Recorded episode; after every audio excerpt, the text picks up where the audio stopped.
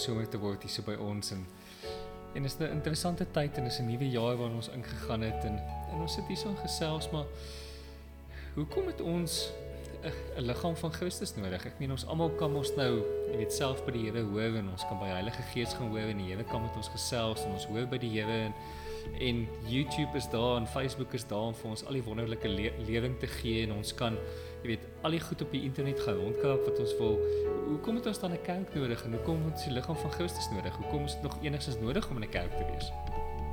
Goeiemôre almal, dis heerlik om weer in te skakel en te weet dat ons sommer met 'n hele klomp mense uh gelyk praat en ons wil julle aanmoedig asseblief gee vir ons terugvoering en gee stuur vir ons ook die vrae wat julle het dat ons lekker die vrae uit die woord van die Here uit kan uh antwoord.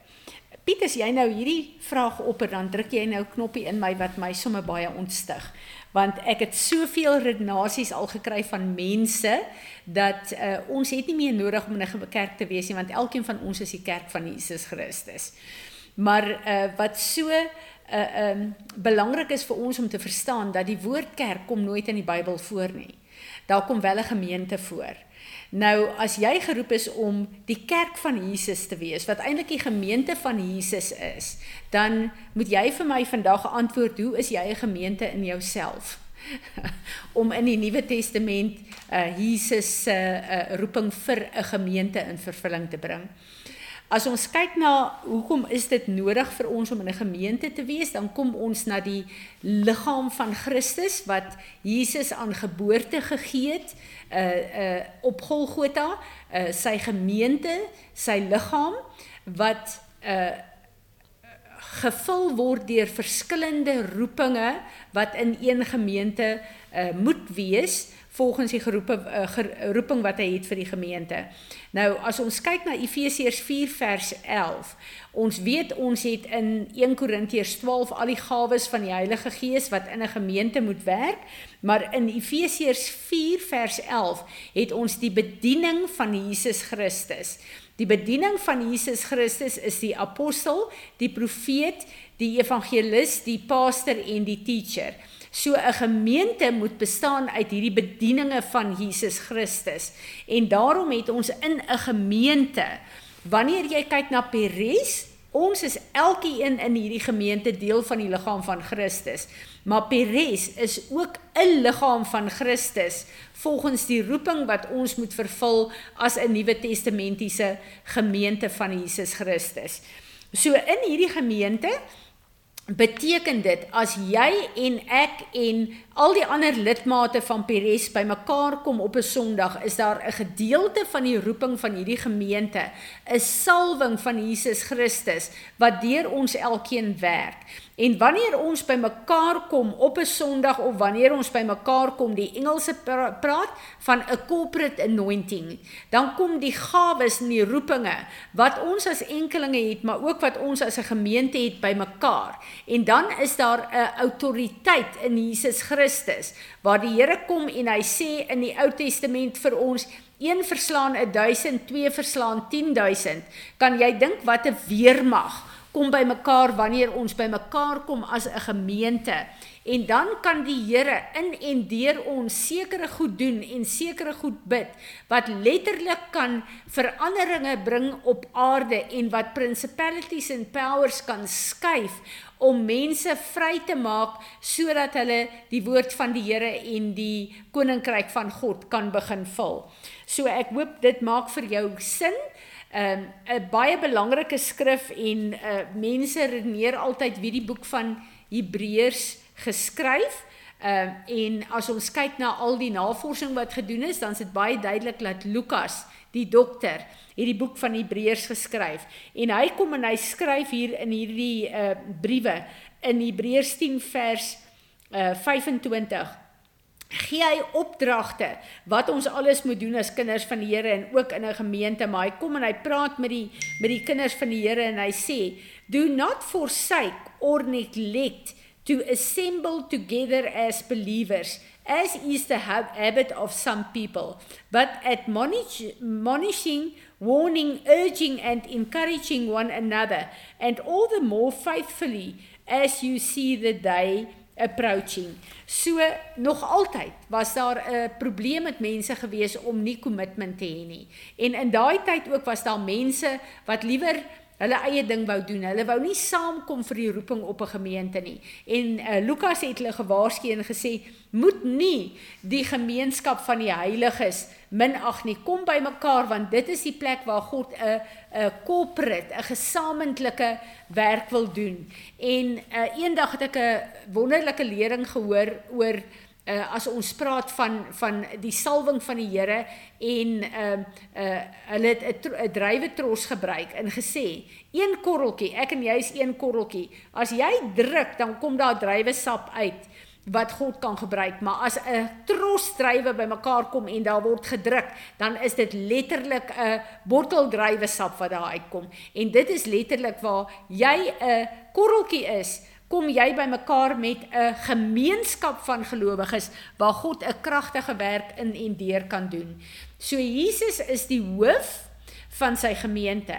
Ek en jy is deel van die liggaam, maar elke gemeente op aarde wat 'n geesvervulde gemeente is van Jesus Christus, ehm um, het 'n spesifieke roeping in die gemeenskappe waar hulle is om 'n spesifieke werk te doen. En ek en jy as enkelinge kan nie daai werk volbring nie. Ons moet saam in die visie in die mandaat wat God vir so 'n gemeente het werk om effektief te wees.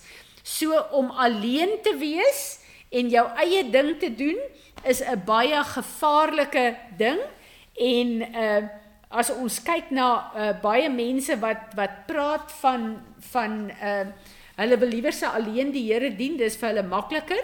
Uh, dan is hulle buite God se wil en ek wil net vir ons 'n skrif lees in ehm um, uh, uh, Proverbs 18 wat uh, nogal vir my 'n baie gevaarlike skrif is want uh, ek het eendag gebid vir iemand wat hulle self afsonder en nie deel wil wees van die medegelowiges nie en wat gekom het met hierdie ding uh, maar uh, uh, hy kan die Here goed genoeg dien want hy is in die liggaam van Christus en hy God kan hom gebruik waar God hom wil gebruik maar hy wil nie deel wees van ge, uh, gelowiges nie.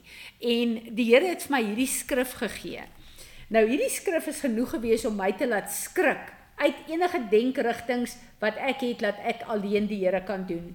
He who willfully separates and estranges himself from God and man seeks his own desire and pretext to break out against all wise and sound judgment. En dan gaan hy aan en sê a self-confident fool has no delight in understanding but only in revealing his personal opinions and himself. So as ons na hierdie skrif kyk, dan sê die woord van die Here, nie ek nie. As jy jouself afsonder aan God se patroon en jy dink jy kan die Here alleen ding, dan uh, dien, dan noem die woord van God jou 'n self-confident fool. Want dan het jy soveel vertroue en selfvertroue in al hierdie wonderlike lering wat jy van heinde en verre ken en waar jy jou eie persepsie en jou eie opinie dit aan mekaar sit om jou eie godsdienst te vorm. En dan voel jy goed daaroor want jy dink jy is reg en jy kan die Here dien uh op jou eie. En uh dit is 'n baie gevaarlike plek om by te wees. 'n Nog 'n groot ehm uh, waarheid van hoekom moet ons deel wees van 'n liggaam? Hoekom moet ons deel wees van 'n gemeente?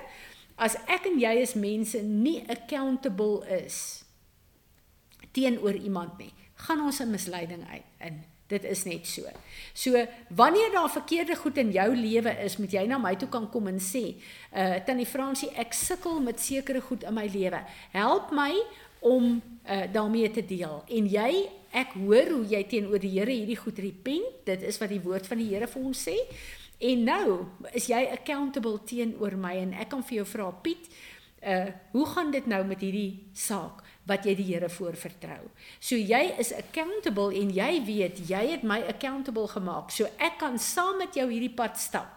Waar as jy nie accountable teenoor iemand is nie, kan jy maak soos jy wil en as daar nie iemand is wat jou reg kan help wat vir jou kan bid wat jou in liefde tereg kan wys nie, dan gaan jy al hoe meer en meer in jou eie pride en arrogance totaal verwyder word van God en van sy strukture wat hy in plaas 'n eh, plek geplaas het waarvan sy liggaam en sy gemeente uh, in in 'n Nuwe Testamentiese bedeling vir ons moet werk. Wanneer ek hier vir ons wil bid Piet, wil ek vir jou sê ek bid amper versigtig want uh, ons het soveel persepsies oor wie ons moet wees en wie gemeente van Jesus moet wees dat uh, dit baie keer persepsies is wat ons verwyder van die waarheid van die woord. Vader, ek wil in die eerste plek kom en ons wil kom buig in aanbidding voor U en ons wil U kom aanbid as die skepper God van die hemel en aarde. Here Jesus, ons aanbid U as ons Heer en Meester, die een wat ons gered het. Maar ons aanbid U as die hoof van U gemeente. Ek wil vandag kom vergifnis vra dat ons u woord gebruik om ons eie persepsies en ons eie begeertes te vervul en dat ons u woord nie gebruik as die struktuur wat ons moet lei om u te dien as 'n Nuwe Testamentiese uh, uh, uh, gelowige in u liggaam nie. So vergewe ons asseblief. Ek wil vra dat u sal kom Heilige Gees en dat u elke plek waar ons 'n leen het oor hoekom ons uh, u moet dien in gemeenteverband dat u woord volgens Johannes 8 vers 32 die waarheid sal bring om al hierdie leuns te kanselleer. En ek bid dat u vir ons sal leer hoe om 'n bloedgewaste geesvervulde nuwe testamentiese gelowige te wees wat ons onderwerp aan die leiers in die gemeentes wat U ons kom plaas het. En ek bid dat elke plek waar ons 'n leen van selfverheffing en selfregverdiging op 'n plek kom plaas het om vir ons te kwalifiseer wie ons behoort te wees kom breek dit af, kom kanselleer dit in die naam van Jesus en kom leer ons Heilige Gees hoe om U in U roeping en U strukture te eer en te aanbid. Dankie dat ons dit kan bid Here Jesus in die krag van U naam. Amen.